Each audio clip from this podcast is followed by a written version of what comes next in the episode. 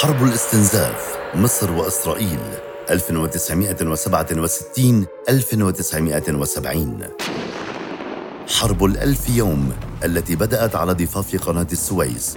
استنزف فيها الجيش المصري مقدرات ومعدات إسرائيل التي تداعت بشكل كبير لتكون هذه الحرب نتاجا لحرب الأيام الستة والتي أدت إلى اتفاقات عديدة بين الأطراف المتصارعة.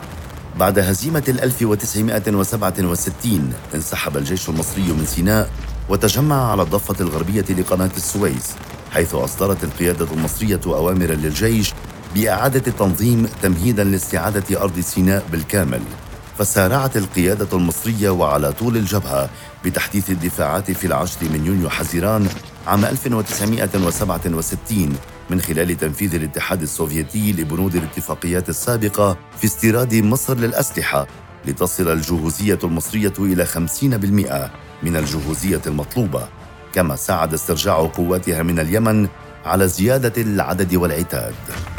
باشرت قوات المدفعية المصرية بشن نيرانها على الجيش الإسرائيلي قرب قناة السويس في الأول من يوليو تموز 1967 لترد إسرائيل في اليوم التالي بهجوم جوي ضد الدفاعات المصرية. الأمر الذي دفع بمصر بالرد جوا حيث قصف عدة أهداف إسرائيلية في سيناء لتعلن بداية حرب الاستنزاف. تضمنت هذه الحرب عدة مراحل. الأولى مرحلة الصمود وهي مرحلة تتطلب سرعة إعادة البناء ووضع الدفاعات على القناة. وكان ذلك يتطلب الهدوء على الجبهة واستمرت هذه المرحلة لعام 1968 مرحلة الدفاع النشط فكان الهدف منها تفعيل الجبهة والاشتباك الغير مباشر مع قوات العدو بغرض تقييد قواته على الجبهة الأمامية وتكبيده القدر الأكبر من الخسائر. وامتدت هذه المرحلة لعام 1969 مرحلة الاستنزاف وهي مرحلة الردع. وذلك باختراق نقاط تمركز العدو وأحداث انتصارات لرفع معنويات الجيش واستمرت هذه المرحلة لعام 1970 تضمنت مرحلة الصمود عده أحداث أهمها معركة راس العش في يوليو عام 1970 عندما حاولت المدرعات الإسرائيلية احتلال مدينة بور فؤاد لتقوم قوات الصاعقة المصرية بصدها وإبعادها عن المدينة.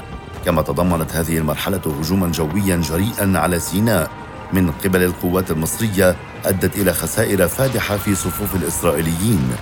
الأمر الذي زاد من ارتفاع معنويات الجيش المصري كما وتم إغراق المدمرة الإسرائيلية إيلات حيث كانت هذه البارجة ذات أهمية كبيرة للإسرائيليين.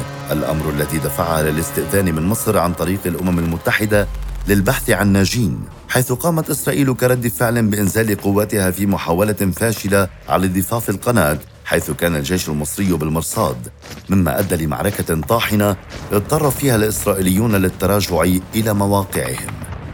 أما مرحلة الدفاع النشط فبادرت مصر إلى قصف المراكز الإسرائيلية في عمق 20 كيلومتر داخل سيناء حيث شعرت إسرائيل بأن الكفة العسكرية رجحت لمصر خاصة وفي ظل استخدام مصر للأسلحة التي جعلت إسرائيل في محل المدافع. أما مرحلة الاستنزاف فقامت مصر بقصف جدار بارليف وعن طريق المدفعية وسلاح الجو. قامت مصر أيضا بضرب أهداف إسرائيلية في عمق الجبهة الإسرائيلية الأمر الذي جعلها مسيطرة على طول الجبهة. في التاسع عشر من يوليو تموز 1969 استهدفت القوات الإسرائيلية بخمس غارات مواقع للجيش المصري. الأمر الذي أدى لقصف منطقة الجزيرة الخضراء بالكامل نظرا لوجود رادار مصري. بعد هذا القصف طلب من القوات الإسرائيلية الدخول للجزيرة لكنها فشلت فشلا ذريعا نتيجة للكمائن التي أعدها الجيش المصري هناك. الأمر الذي حث بها للتراجع. لترد مصر على هذا القصف بضرب مواقع إسرائيلية وتدمير نقاط الشط وبلاح. أدى هذا لتغيير جذري في خطة مواجهة إسرائيل للاستنزاف المصري والتصعيد باستنزاف المضاد حيث أدخلت إسرائيل سلاح جوها بالمعركة لتقوم إسرائيل بالرد جوا لتنفذ أكثر من 400 طلعة جوية ضد مواقع الدفاع الجوي والرادارات المصرية على طول الجبهة وذلك لإجبار مصر على نقل قواتها بين عدة مراكز. لتتبعها بإنزال بري للدبابات إلى منطقة الزعفرانة لتدمير الأهداف المدنية والسيارات مستغلة خلو المنطقة من نقاط المراقبة حيث شكلت هذه الغارة صدمة سلبية على الجانب المصري. لترد مصر بعملية إنزال كبرى في الزعفرانة بغية طرد الإسرائيليين منها وحققت مصر هدفها بعد قتال عنيف وتنوعت المعارك بين صد ورد على كل الجبهات. حيث انتهى العام 1970 بتماسك لدى القوات المصرية وكسرها لحاجز الخوف. مع توالي الأحداث وتصاعدها تبين أن حرب الاستنزاف المضاد التي قامت بها إسرائيل ما هي إلا استنزاف لها نفسها حيث بدأت موجات السخط في البرلمان الإسرائيلي تتصاعد نتيجة الهجمات التي لم تكن لها فائدة حقيقية على أرض الواقع.